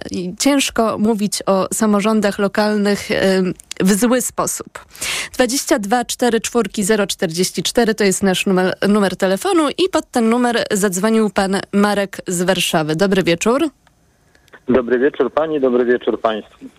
Panie Marku, i Pytanie, czy pan dzwoni z wrażeniami na temat tej opowieści, czy też raczej chciałby pan się podzielić jakimiś swoimi przemyśleniami na temat tego w ogóle, jak funkcjonują samorządy w Polsce? E, z racji tego, że e, moje doświadczenie z samorządem e, jest dość duże, ja w latach 98-2014 byłem radnym w jednej z dzielnic Warszawy. Zajmowałem tam dość wysokie funkcje, byłem członkiem zarządu gminy jednej z tych dzielnic, później przez do końca wiceprzewodniczącym tej dziel, Rady Dzielnicy. I Uważam, że nie zrobiło to do dużego wrażenia na mnie reportaż, jaki został przez Państwa e, wyemitowany. Bo spotykał się Pan z tym na co dzień? Dlatego, że sytuacje e, podobne, podobne, ja nie mówię, że takie same, bo to nie można przyłożyć kalki, są praktycznie pewnie w 95% istniejących, y, istniejących teraz i byłych samorządach. E, Ja e, w, przez te 16 lat nie mogłem przebić się z postulatem i teraz powiem pani, że po tylu latach pierwszy raz publicznie uda mi się to powiedzieć, a macie zasięg duży. Ja słucham codziennie waszego radia.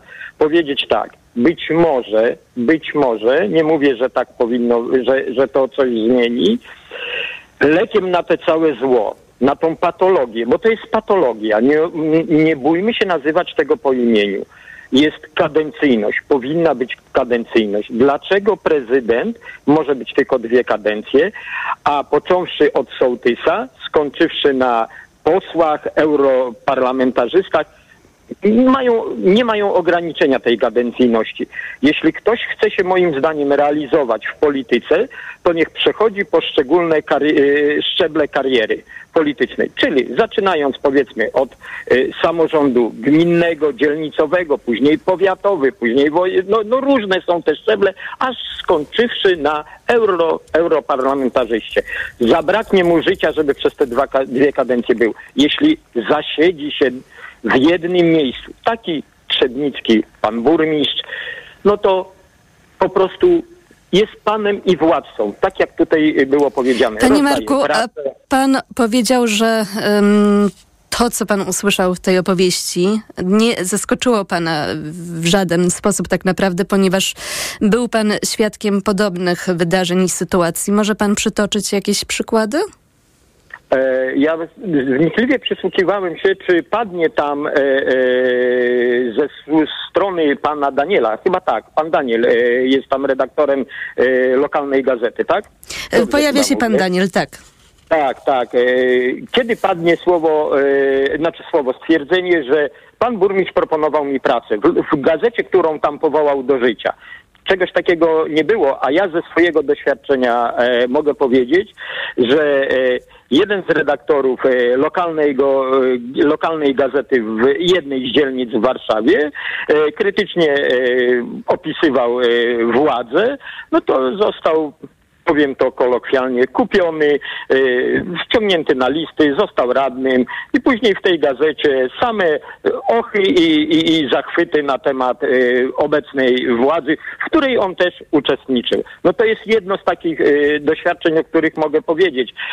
Pewnie inne już by musiały się organa zająć tym, bo naprawdę jest źle, jest źle, uwierzcie mi Państwo, źle w samorządach w Polsce. Powiedział pan o, moja- o tym, tak. że to kadencyjność rozwiązałaby e, problemy, czy też, jak pan to określił, patologie, które mają miejsce w samorządach.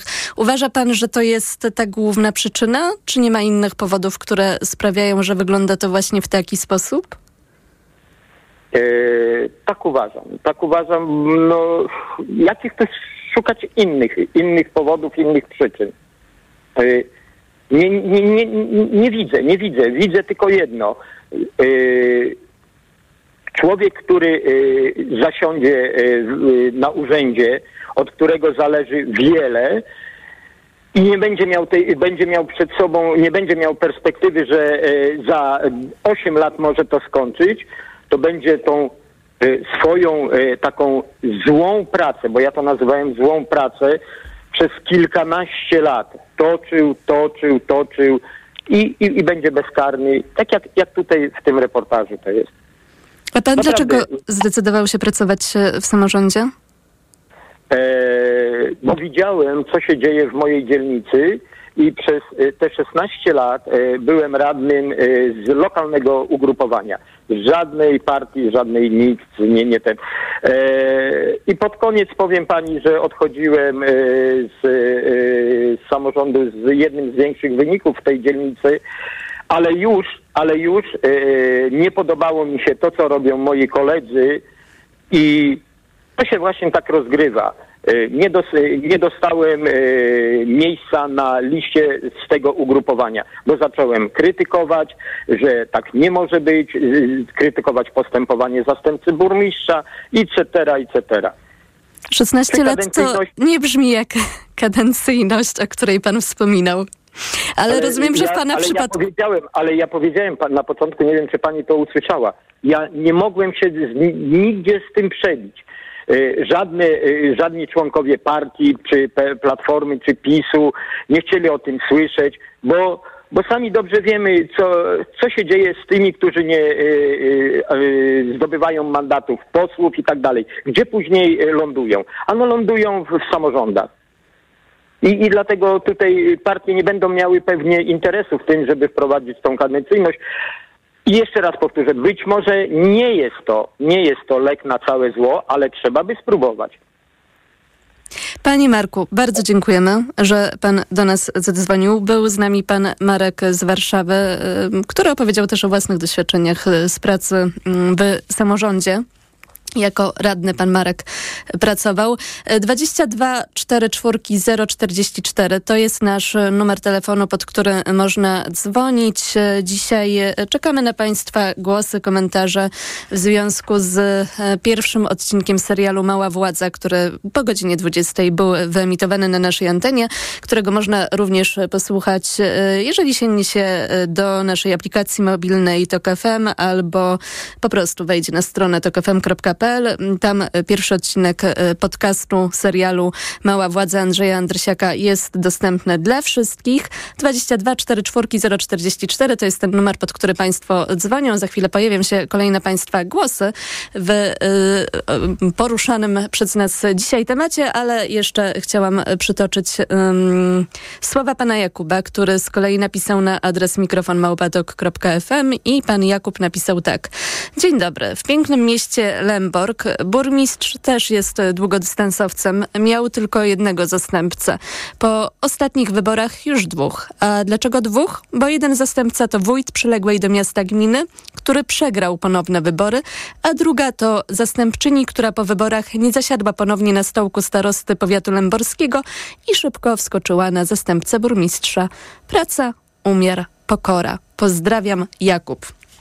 To były słowa pana Jakuba właśnie, które napisał na mikrofon małpatok.fm, a pod numer 2244044 zadzwonił pan Robert ze Świętokrzyskiego. Dobry wieczór. E, Kłaniam się, dobry wieczór. E, mm, Mieszkałem kiedyś w mieście, obecnie mieszkam właśnie na świętokrzyskiej wsi. No tak się złożyło, że e, miałem przyjemność mieszkać właściwie w trzech różnych gminach, tak się to złożyło. W dwóch konkretnie jakby mieszkałem, w trzeciej, e, z trzecią zawodowo byłem dosyć mocno związany, więc z, całą kwestią władzy w tej gminie. Więc trzy gminy mam dosyć dobrze obejrzane i historię tych gmin e, zmieniania się lub niezmieniania władzy znam. I jaki obraz Dobrze. się z tego wyłania? No, wyłania się obraz taki, że e, e, kadencyjność byłaby rozwiązaniem, natomiast będzie ona iluzją, a już tłumaczę dlaczego. Mianowicie przez, no w jednej z tych min to już będzie ze 20 lat, jak wójt pracuje, siłą rzeczy będzie musiał odejść. W kolejnej też jest ładnych parę lat, ale z tej racji, że gmina stała się miastem, będzie mógł być znów wybrany, tym razem burmistrzem, no bo to jakby zmienia postać rzeczy, że, że wieś stała się miastem, więc będzie mógł wybrany być ponownie. No w kolejnej rzeczywiście są zmiany co 5 lat, tak się to jakoś składa, więc każda z gmin troszeczkę czym innym się charakteryzuje. Natomiast dlaczego kadencyjność stanie się iluzją? Z tego względu, że w małych gminach wiejskich wójt przez jedną czy dwie kadencje zdąży na tyle przygotować sobie przysłowiowy układ zastępczy, że y, wójtem zostanie ten, na kogo wójt wskaże i nic innego tego nie zmieni. Żadna kampania wyborcza, żaden przeciwnik, takie mam wrażenie, się nie przebije. Y, w małych gminach wiejskich y, proszę sobie zobaczyć ośrodek zdrowia czy szkoła, y, czy urzędnicy, poczynając od pracownika administracyjnego po powiedzmy zastępcę wójta każdego szczebla, są w jakimś stopniu zatrudniani przez wójta, są jego ludźmi, jego pracownikami. Jeśli dodamy do tego ich rodziny, znajomych, przyjaciół i sąsiadów, no proszę sobie wyobrazić, ile osób byłaby zadowolonych, żeby dany wójt albo wskazany i namaszczony przez niego zastępca został ponownie wójtem. Jest to ogromna rzesza i naprawdę ciężko będzie jakąkolwiek kampanią wyborczą czy czymkolwiek zmienić e, wójta, bardziej jeśli pójdą za nim jakieś tam sukcesy wynikające z mniej lub bardziej udanych akcji związanych z funduszami unijnymi, E, wiadomo, że pojawiają się drogi, pojawiają się ładne ryneczki, odnowione jest to i owo, no bo były na to pieniądze. I jeśli w miarę zgrabni urzędnicy, w miarę umiejący czytać i pisać, poradzą sobie z napisaniem projektu albo zapłacą komuś za to napisanie, bo też przecież wolno wynająć firmę, która to zrobi. Więc jest sukces danej gminy. Każdy też rozumie, że jedna jest bogatsza, druga biedniejsza, bo ma mniej lub bardziej sytuowane dobrze działalności gospodarcze czy potężne firmy na swoim terenie. No więc dlaczego niby mielibyśmy tą władzę zmieniać lub wybrać kogoś, kto nie jest wskazany przez wójta? Więc jest grono zadowolonych, a jak w reportażu zdarzą się, zdarzą się ci, którzy cierpią, no nie wiem, myślę, że nie przebiją danego układu, więc wszystkim pozostaje próbować w tym się odnaleźć w tej małej ojczyźnie i jakoś tam próbować żyć. Jeśli paru będzie cierpiących, niezadowolonych, Ale- trudno, nie wiem jakim sposobem mogą zmienić władzę. Nie wyobrażam sobie, żeby szary obywatel, trochę działa to tak, że nie wyobrażam sobie dzisiaj, żeby na scenie pojawiła się partia X na tej wielkiej scenie politycznej i zdobyła e, prawda, jakieś tam e, znaczące e, mandaty w Sejmie. Nie wyobrażamy sobie, żeby za kilka lat do wyborów prezydenckich też stanął anonimowy obywatel, który go wygra i tym samym sposobem nie ma szans, żeby w przeciętnej gminie w miarę dobrze ogarniętej, e, z drobnymi czy większymi patologiami, żeby jakiś tam światły obywatel, który chce coś zmienić, mógł zostać wójtem. Panie Robercie, ale przecież, no, nie wiem, tak, próbuję jednak jakąś na, nadzieję tutaj e, wykrzesać, No, znaleźć. trzeba. No bo na przykład tak, nie ma pan poczucia, że jednak jeżeli ktoś, e, tak jak posłuchaliśmy te, tego pierwszego odcinka serialu, patrzy na to, co się dzieje w jego miejscowości, to nie dostrzega, jak e, po prostu żenujący obraz się wyłania z mm, poprzez wizerunek Dostrzega i taki... Myślę, że ta, no, oczywiście, że dostrzega, ale czy znajdzie grono potencjalnych wyborców, a przede wszystkim kandydata, który stanie do wyborów i wygra te wybory? Naprawdę no, w jakichś dostrzega, miejscowościach tak nie ma jak jakichś lokalnych aktywistów, osób, które by się rzeczywiście chciały zaangażować i nie po to, żeby sobie po prostu mościć miejsce, tylko po to, żeby e, zadbać o daną miejscowość? Tak, na pewno by się znalazła, natomiast proszę zobaczyć, czy ta patologia tak naprawdę dotyka wszystkich? Czy ona wszystkich rani? No pewnie nie. Niektórym jest to obojętne, niektórym to nie przeszkadza. No to musi być jakaś naprawdę, musiała być jakaś ewidentna sytuacja typu, nie wiem, wysypisko śmieci, zatruta woda, nie wiem, co, co by musiało takiego stać się w gminie, za co można by ewentualnie uczynić odpowiedzialnym wójta i naprawdę znaleźć potężną koalicję, która go w następnych wyborach zmiecie. No jak widać, Więc te nawet jakiś patologie za, za najczęściej- coś odpowiedzialnym, to i tak niekoniecznie będzie się szybko pociągniętym do odpowiedzialności. No właśnie, albo na przykład powie, że to jest są siła, siła wyższa, że to jest jakaś rzeczywistość, na którą tenże wójt nie ma wpływu. A, a mówi, a jeśli nawet ma wpływ, no to mówi, to, to, to jeśli jest y, jego pracownikami jest armia urzędników, a na przykład drugim czy trzecim pracodawcą w gminie jest kolega wójta, no proszę sobie wyobrazić, jak by to mogło wyglądać. No nie możemy ruszyć tego człowieka. Jeśli szef firmy, która zatrudnia 10% mężczyzn w danej y, gminie, czyli 30% wyborców niech będzie w tym momencie, bo dochodzi żona, nie wiem, ktoś tam z rodziny i tak dalej.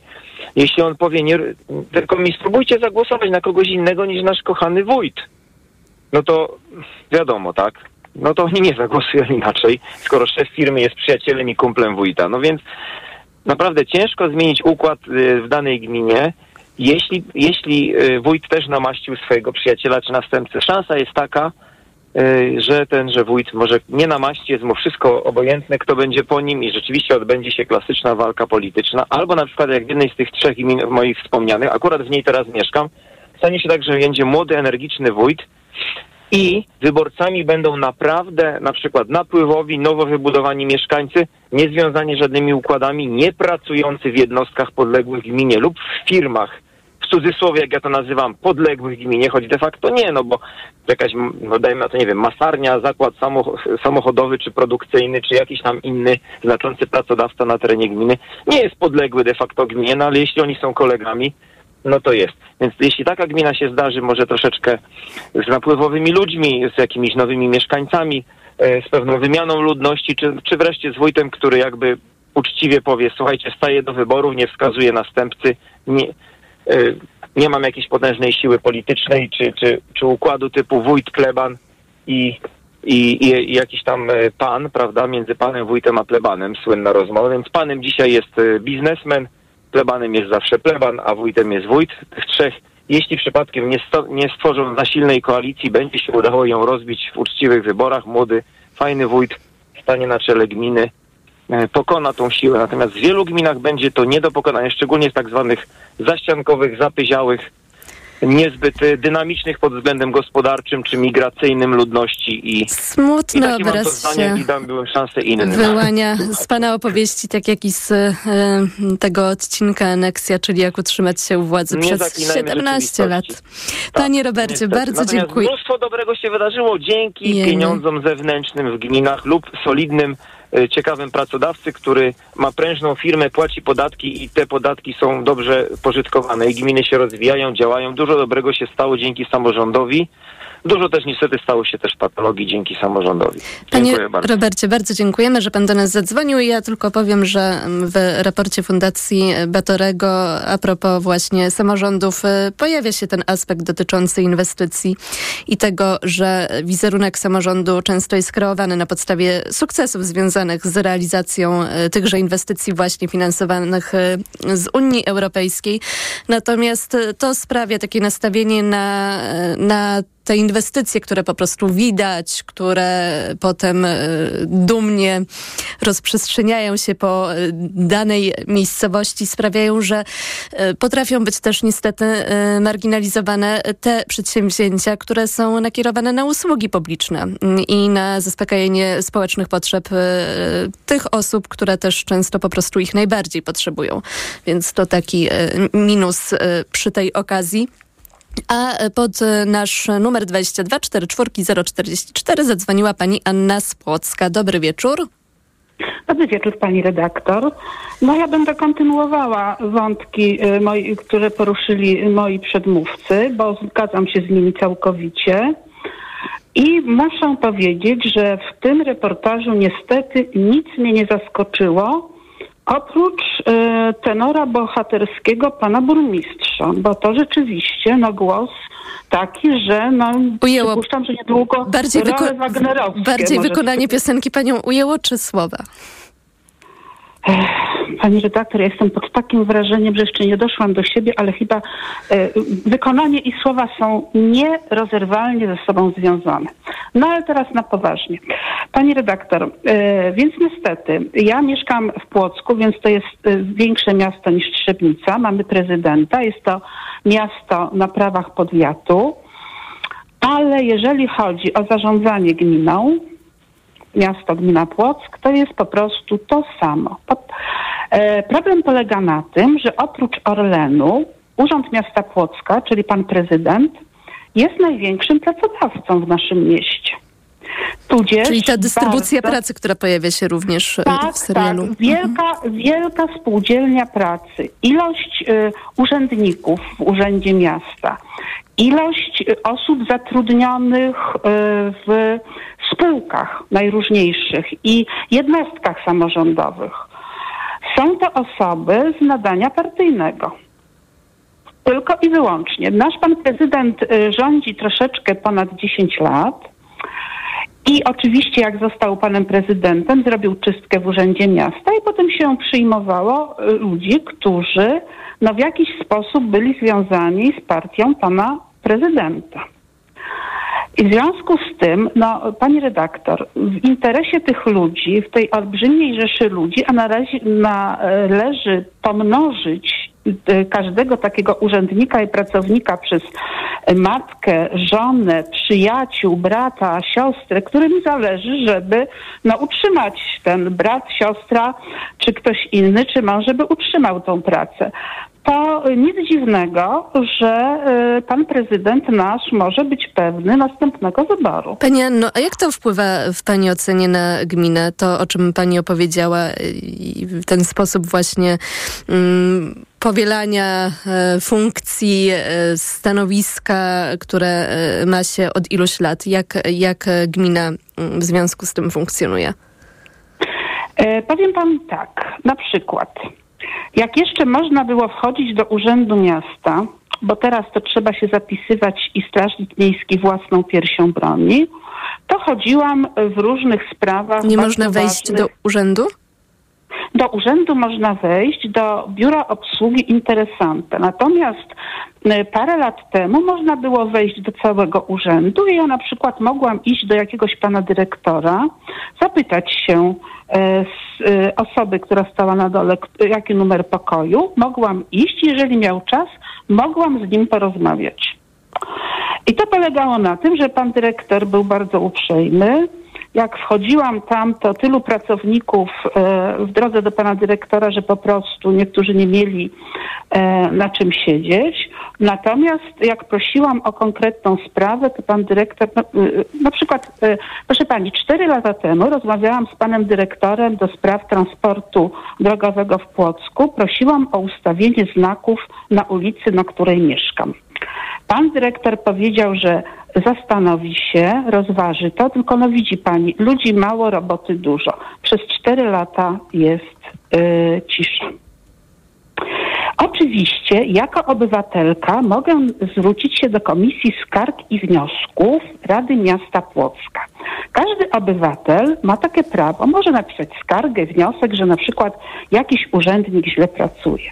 Tyle, e, ja nawet napisałam e, raz skargę i to mnie oduczyło, a nie, nigdy więcej już nie napiszę, ponieważ e, w zeszłym roku na październikowym posiedzeniu komisji, ponieważ śledzę zarówno posiedzenia Rady Miasta, jak i komisji, które mnie interesują, na październikowym pan przewodniczący e, komisji przy, współdziałanie, e, przy współdziałaniu swojego kolegi radnego oświadczył, że on apeluje do mieszkańców Płocka, żeby nie pisali bo oni nie mają czasu, żeby się bzdetami zajmować. A muszę pani powiedzieć, że średnio e, czas obrad komisji to jest 15 minut, za co e, państwo dostają chyba tam 300 z kawałkiem złotych. Tak to, tak to się odbija. Albo na przykład pani redaktor u nas e, bardzo dużo e, remontuje się i buduje dróg. Tyle tylko, że bardzo często to jest tak, że pan prezydent ogłasza, że tutaj e, zrobił ulicę taką i taką, tylko jakby pani tą ulicą przejechała, to by pani się przekonana, przekonała, że zrobiono 800 metrów, natomiast 400 to jest w ogóle nie zrobione, są dziury, wyrwy i w ogóle wyglądają te, e, ta ulica jak za e, Bolesława Krzywoustego. Więc e, no to są tylko przykłady. U nas co prawda e, radni e, czy wdzięczne osoby nie śpiewają, ale na przykład jak jest w zeszłym roku na przykład było absolutorium dla pana prezydenta i radna opozycji ośmieliła się po prostu powiedzieć parę słów krytycznych, to natychmiast wystąpiła pani radna i pan radny, którzy ze łzami w oczach mówili, że e, jeżeli chodzi o wystąpienie pani radnej z opozycji, to je, po prostu rozerwało im to serce na strzępy, ponieważ nasz pan prezydent jest e, wspaniały i dzięki niemu nasze miasto się rozwija. A propos tej pani radnej, która, e, której serce się rozerwało, to ma ona szczęście, że jej drugą połówką jest pan, który jest e, bardzo zaufanym człowiekiem naszego pana prezydenta i sprawuje funkcję prezesa komunikacji miejskiej. I pani radna, jak nie była radną jeszcze, to założyła spółkę, sz- e, nie spółkę, tylko po prostu instytucję, która zajmowała się szkoleniami i oczywiście szkolenie przeprowadziła w komunikacji miejskiej Płock. A potem, kiedy już została radną, założyła stowarzyszenie i stowarzyszeniu temu powierzono prowadzenie e, schroniska dla zwierząt w Płocku. Czyli oprócz tego, że pani jest radną, to również e, jakieś tam pieniążki dostaje za to, że się opiekuje naszymi zwierzątkami.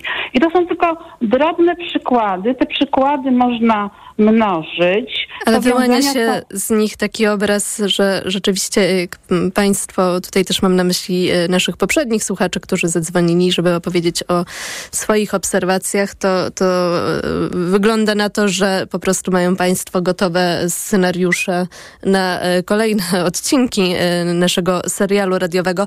Pani Anno, musimy już powoli kończyć, ale bardzo dziękujemy, że pani do nas zadzwoniła mm, i opowiedziała, jak y, to wygląda y, z pani perspektywy i, i pani obserwacji, jeżeli chodzi o działanie y, samorządu lokalnego.